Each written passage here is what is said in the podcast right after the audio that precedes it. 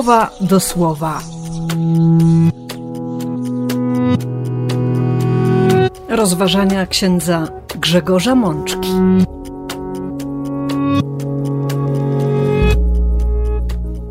Trzecia niedziela Adwentu, rok A.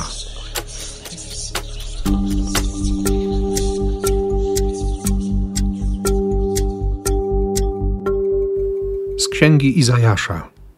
Dodawajcie sobie wzajemnie otuchy, wy małoduszni w swych myślach. Nabierzcie siły, nie lękajcie się.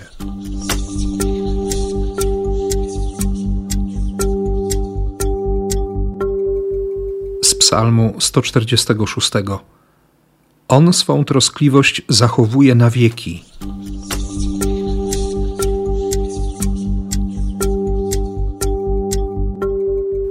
Z listu świętego Jakuba. Zachowajcie i wy cierpliwość, utwierdźcie swoje serca, bo już bliskie jest przybycie Pana.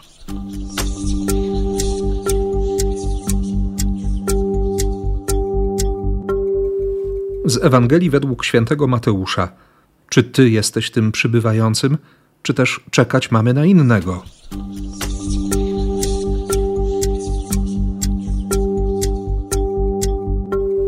Siostry i bracia, przed nami trzecia niedziela Adwentu, nazywana w liturgii Kościoła niedzielą Gaudete od pierwszych słów antyfony na wejście. Radujcie się zawsze w Panu. Radujcie się. Pan jest blisko. Rzeczywiście, jesteśmy już za półmetkiem Adwentu, choć tegoroczny Adwent jest najdłuższym z możliwych. Czekamy na to przyjście Pana. W sumie potrójne czekanie na Boże Narodzenie, to przyjście już się dokonało. Dzień w dzień oczekujemy spotkania z Bogiem w naszej codzienności, w rozmaitych sytuacjach, w wydarzeniach, które są naszym udziałem, w osobach, które spotykamy. To jest to przyjście teraźniejsze. No i wreszcie czekamy na paruzję, na spotkanie z Bogiem, który, który przeprowadzi nas do życia, do życia w niebie. Tego się spodziewamy. Mam nadzieję, że wszyscy właśnie za tym życiem, za niebem po prostu tęsknimy. I dzisiejsza liturgia pozwala nam ucieszyć się tą nadzieją nowego życia, tak jak można ucieszyć się porankiem, wstającym słońcem, które w tych pierwszych promieniach barwi świat na kolor różowy czy różany. Stąd zresztą można między innymi wyprowadzić interpretację dzisiejszego różowego koloru szat liturgicznych. Bóg chce nas rozradować, chce odpowiedzieć swoją łaską, swoją miłością, swoją obecnością na naszą tęsknotę. I dlatego teksty liturgiczne trzeciej niedzieli Adwentu chcą nas sprowokować, chcą w nas umocnić tę postawę nadziei, otwartości na łaskę, na łaskę Boga. Rozpoczyna wszystko 35 rozdział Księgi Izajasza. To wezwanie, mocne wezwanie. Nasyć się weselem, rozraduj się, nabierzcie siły, dodawajcie sobie wzajemnie otuchy, nie lękajcie się. Te wszystkie wezwania są skierowane do rzeczywistości wyschniętych, skarlałych, do ludzi rozczarowanych, do tych, którzy już opuścili ramiona i mają zwiotczałe kolana, których nie stać na jakieś wielkie myśli, na nieprawdopodobne zrywy, do tych, którzy przeżywają ogólne zniechęcenie. Zatrzymując się przy tym słowie, pomyślałem o tegorocznym haśle roku duszpasterskiego, o zaproszeniu, by by przypomnieć sobie, że wszyscy wierzymy w Kościół Chrystusowy, że jesteśmy Kościołem Chrystusa, że możemy mieć zaufanie do naszego Boga, który z nas tworzy swój Kościół. I dlatego z tego pierwszego czytania, z pierwszego tekstu, tak mocno utkwiło mi w głowie i zatrzymało mnie to zdanie: Dodawajcie sobie wzajemnie otuchy, wy małoduszni w swych myślach. Każdy z nas ma swoje problemy, ma swoje rozterki, z różnymi rzeczywistościami musimy się mierzyć. Wiemy dobrze, że w tegorocznej sytuacji geopolitycznej Wielu z nas przeżywa bardzo konkretne problemy, kłopoty. Sytuacja materialna wielu rodzin jest nie do pozazdroszczenia. Dobrze widzimy, jak trudno się żyje. I odnoszę bardzo silne wrażenie, że Bóg, widząc doskonale to, co się dzieje, reaguje słowem napisanym przez Izajasza ponad 2,5 tysiąca lat temu. Dodawajcie sobie wzajemnie otuchy.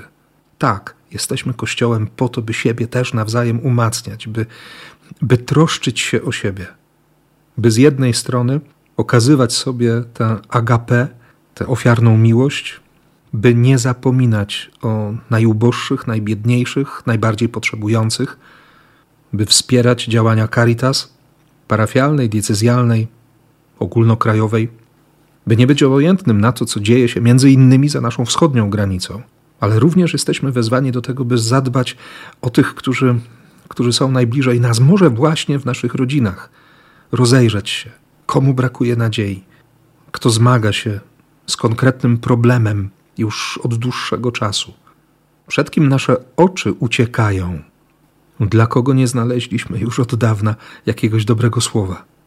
Oczywiście nie chodzi mi teraz y, o, o robienie jakiegoś rachunku sumienia i, i moralizowanie, ale o echo mojego serca, które pojawiło się jako odpowiedź wobec czwartego wersetu 35 rozdziału proroctwa Izajasza. Dodawać sobie wzajemnie otuchy, szczególnie gdy jest się mało dusznym w swych myślach. Gdy człowiek nie ma wielkiego serca, gdy widzi ograniczenia, swoje ograniczenia, gdy łatwiej mu narzekać, niż widzieć nadziejnie, że tak powiem. Bo przecież doskonale wiemy o tym, że, że to przyjście Chrystusa często realizuje się właśnie w nas, w naszej postawie wobec bliźnich. Mówi się dużo w Kościele o tym, że my mamy być Chrystusem. Ze względu na pełnioną funkcję liturgiczną, w czasie Eucharystii kapłan jest alter Chrystus, jest drugim Chrystusem. Ale po to przecież jesteśmy w komunii z Bogiem, przyjmujemy ciało Chrystusa, by w naszych żyłach płynęła Jego krew i by nasze ciało stawało się ciałem Jezusa, byśmy byli znakiem obecności Boga. Boga, który się troszczy, który dodaje otuchy, który nasyca łaską. Boga, który który przynosi radość, który jest dawcą pokoju. Myślę, że wielu z Was, siostry i bracia, korzysta z tych rekolekcji adwentowych nagrywanych przez e, księdza Dariusza Brylaka, których tematem jest właśnie pokój. Pokój ofiarowany przez Boga, to doświadczenie pokoju na różnych płaszczyznach, w rozmaitym znaczeniu tego słowa. Jesteśmy, kochani, świadkami Boga, mamy stawać się świadkami Boga, który jest obecny w tym świecie, który nikogo nie zostawia, który się nie odwraca, który nie zapomina. Boga kochającego. Ta wizja czasów mesjańskich, przedstawiona w kolejnych wersetach, że oczy niewidomych się otworzą, że uszy głuchych będą słyszeć, że kulawy skakać zacznie jak jeleń, a język jąkających się będzie mówił płynnie. Te obietnice mogą się spełnić na naszych oczach również dzięki naszemu zaangażowaniu. Nie tylko przez konkretne cuda, które przecież dzieją się w tym świecie, bo Bóg nie rezygnuje ani nie ogranicza swojej łaski. Ale wiemy dobrze, że chodzi też o coś głębszego, żeby nasze oczy zaczęły zauważać, widzieć dobrze, patrzeć dobrze na innych, byśmy zaczęli się też wzajemnie słuchać, nie tylko słyszeć byśmy pomagali sobie wzajemnie w tym, w tym stanięciu na nogi, również w przestrzeni wiary. Żebyśmy pomagali sobie w szkole modlitwy, wiedząc o tym i świadcząc wobec siebie nawzajem, że, że można budować relacje z Bogiem, że jest to bardzo realne, bardzo konkretne. To nam zapowiada Izajasz, do tego nas zachęca. I jakby odpowiedzią która potwierdza zaangażowanie Boga, jest Psalm 146, dedykowany prorokom Aggeuszowi i Zachariaszowi, tym prorokom, którzy, którzy namawiali, którzy mieli w sobie potężne pragnienie Boże, by, by odbudować świątynię, Oni mobilizowali naród wybrany do postawienia nowej świątyni na miejscu zburzonej świątyni Salomona. Autor tego psalmu przekonuje nas, to będzie pierwszy werset, który usłyszymy w dzisiejszej liturgii, przekonuje nas, że Bóg swoją troskliwość zachowuje na wieki. W przekładzie liturgicznym dotrze do nas słowo Bóg wiary dochowuje na wieki. Septuaginta przetłumaczy troskliwość, zaangażowanie, czułość, ta szczególna umiejętność zwrócenia uwagi na coś lub kogoś, która powoduje, że, że nie jest się bezimiennym, że nie jest się pominiętym. Myślę, że dziś każdy z nas potrzebuje takiego doświadczenia. I owszem, psalmista potem wymienia, że, że Bóg głodnym daje pożywienie, że uwalnia więźniów, prostuje złamanych, poucza niewidomych, miłuje sprawiedliwych, strzeże przybyszów, przygarnia sierotę i wdowę. Tak, Bóg to robi. Bóg jest troskliwy i zachowuje tę postawę serca, jeśli można tak powiedzieć, na wieczność, na wieki. Nie zrezygnuje. Bóg naprawdę nie zrezygnuje, nie wyrzeknie się człowieka. Nawet jeśli my zrywamy z nim tę więź, jedność, przez nasz grzech, przez nasze złe wybory, Bóg jest wierny i ma troskę o nas. Jak mówi papież Franciszek, Bóg się nie zmęczy i nie znuży przebaczaniem, okazywaniem miłosierdzia. Myślę, że w tej perspektywie naszego duchowego wzrostu w czasie Adwentu i również e, spowiedzi przed świętami Bożego Narodzenia, warto o tym przypomnieć. Warto o tym mówić. Warto o tym świadczyć. Do tego zresztą zachęca nas również święty Jakub w piątym rozdziale swojego listu. Fragment tego tekstu słyszymy jako drugie czytanie. Zachowajcie cierpliwość, bracia, aż do przyjścia Pana. Utwierdźcie swoje serca, bo już bliskie jest przybycie Pana.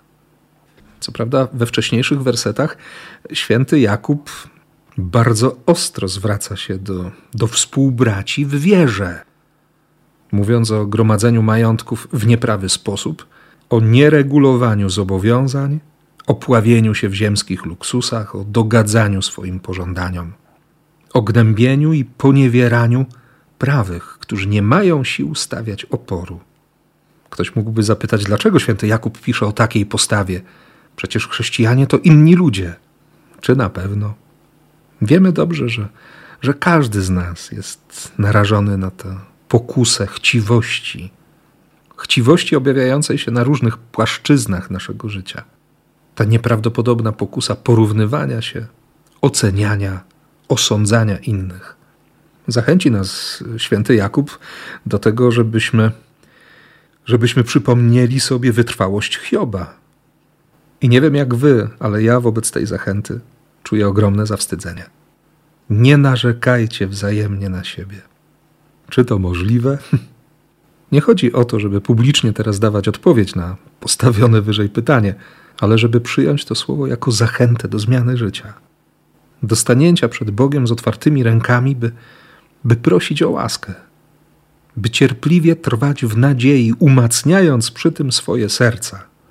Spotkanie z Panem jest już bliskie. I choć mogą pojawić się rozmaite wątpliwości, naprawdę jesteśmy zaproszeni w dzisiejszej liturgii do tego, żeby, żeby odkryć tę radość Ducha Świętego, by uwierzyć Bogu, który jest obecnością, kochającą obecnością. Tym bardziej, kiedy słyszymy dziś w Ewangelii to pytanie Jana Chrzciciela, który, będąc w więzieniu i nie mogąc się spotkać bezpośrednio z Chrystusem, wysyła swoich uczniów – czy Ty jesteś tym, który miał przyjść, czy raczej powinniśmy oczekiwać kogoś innego? To pytanie może trochę dziwić y, wobec przecież jasnego i klarownego, bardzo mocnego wyznania wiary w Chrystusa, które Jan złożył w trzecim rozdziale Ewangelii w redakcji świętego Mateusza. I można to pytanie rozumieć w dwojaki sposób. Albo Jan faktycznie przeżywa kryzys wiary, być może w tych ciemnych lochach wpadł w jakąś depresję, został zaatakowany wątpliwościami. I nikogo to nie powinno dziwić, bo, bo sytuacja Jana była niezwykle trudna. Zresztą wiemy, że Jan z tego więzienia żywy już nie wyjdzie. Ale mogło też być tak, że, że uczniowie, którzy odwiedzali swojego mistrza w więzieniu, nie bardzo wiedzieli, jak się odnaleźć i, i co myśleć o Jezusie, bo, bo z jednej strony Jan Chrzciciel zapowiedział i wskazał konkretnie na Jezusa jako Chrystusa, jako Mesjasza, a nic w sytuacji narodu wybranego się nie zmieniało. Jezus nie wzywał do, do powszechnego powstania, nie organizował zrywu niepodległościowego. Nic nie wskazywało na to, że, że miałby być Mesjaszem, który spełni oczekiwania całego narodu, tęskniącego za wolnością. I być może Jan Chrzciciel, zmęczony już trochę i tak po ludzku mający dość tego ciągłego użalania się swoich uczniów, powiedział: Skoro macie wątpliwości, idźcie do Jezusa, sami go zapytajcie. I warto w tym miejscu zatrzymać się i spojrzeć w lustro, przyjrzeć się sobie samemu, czy przypadkiem z takim pytaniem, z którym stają uczniowie Jana Chrzciciela przed Jezusem, my sami nie przychodzimy do naszego Pana i Boga, do naszego Odkupiciela. Czy ty na pewno jesteś tym? Czy na pewno Tobie mam wierzyć? Czy naprawdę jesteś wszechmogący? Czy ty się na pewno troszczysz? Czy potrafisz mnie kochać? Nie wiem, jakie pytania, siostry i bracia, rodzą się w waszych sercach w chwilach trudności, kryzysów, doświadczeń rozmaitych, ale jestem pewien, że, że nie są nam obce wątpliwości, trudności na drodze wiary. I jak brzmi odpowiedź Jezusa? Idźcie i powiadomcie Jana o tym, co tu widzicie i słyszycie. Co widzę w kościele? Co słyszę w kościele? Z czym wychodzę po zakończonej mszy świętej? Z jakim przekonaniem opuszczam zgromadzenie liturgiczne? Jezus, według nowego przekładu dynamicznego, powie: Wszystkim, którzy zrozumieli bezmiar swej duchowej nędzy, głoszona jest dobra wiadomość o Bożym Królestwie. Szczęśliwy i błogosławiony jest ten, kto nie odpadnie, kto się mną nie zgorszy, lecz bez względu na wszystko wytrwa w zaufaniu do mnie. Wiemy dobrze przecież, że każdy z nas ma, ma jakąś osobistą relację i również własną wizję Boga, Jego obecności, Jego działania. Mamy również swoją listę życzeń i nie da się jej ukryć gdzieś w szczelinie serca. Ona się pojawia. Pojawia się w naszej modlitwie, pojawia się też w naszym zachowaniu, w naszym myśleniu, często również w naszym mówieniu o Bogu, o Kościele. I Chrystus nas za to nie potępia, nie odrzuca. W kolejnych wersetach usłyszymy, że, że Jezus ma naprawdę bardzo dobrą opinię o Janie Chrzcicielu. Ze wszystkich ludzi narodzonych z kobiety nie było dotąd nikogo większego i ważniejszego niż Jan Chrzciciel. Ale w Królestwie Niebios każdy, nawet najmniejszy, jest większy od Jana. Bo Królestwo Niebieskie udostępniane jest desperatom, gwałtownikom, tym, którzy skrajnie są zdeterminowani, by się do niego dostać. I jestem głęboko przekonany, że że w tych słowach kryje się najważniejszy sens całej dzisiejszej liturgii. Czy naprawdę za wszelką cenę chcę być w niebie? Czy za wszelką cenę pragnę bliskości Boga? Jak wygląda ta moja tęsknota za miłością i obecnością Chrystusa?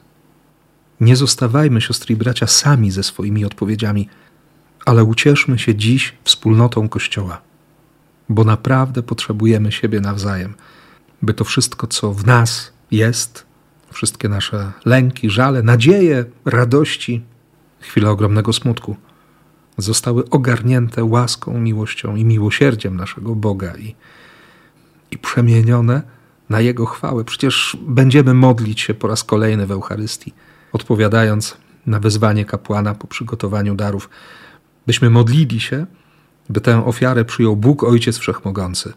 Odpowiemy znów – Niech Pan przyjmie tę ofiarę z rąk Twoich, na cześć i chwałę swojego imienia, a także na pożytek nasz i całego Kościoła Świętego. Jesteśmy w Eucharystii, w tej liturgii słowa, w modlitwie eucharystycznej, wołamy wspólnie Ojcze Nasz, po to, by Boga uwielbić, by oddać Mu cześć, by oddać Mu chwałę, ale również po to, by wziąć jak najwięcej dla siebie, by przyjąć każdą łaskę, którą On chce nam dać i by umacniać w sobie świadomość, że jesteśmy Kościołem, Kościołem Chrystusa. I tego Wam, siostry i bracia, bardzo szczerze i bardzo gorąco życzę w tę trzecią niedzielę Adwentu.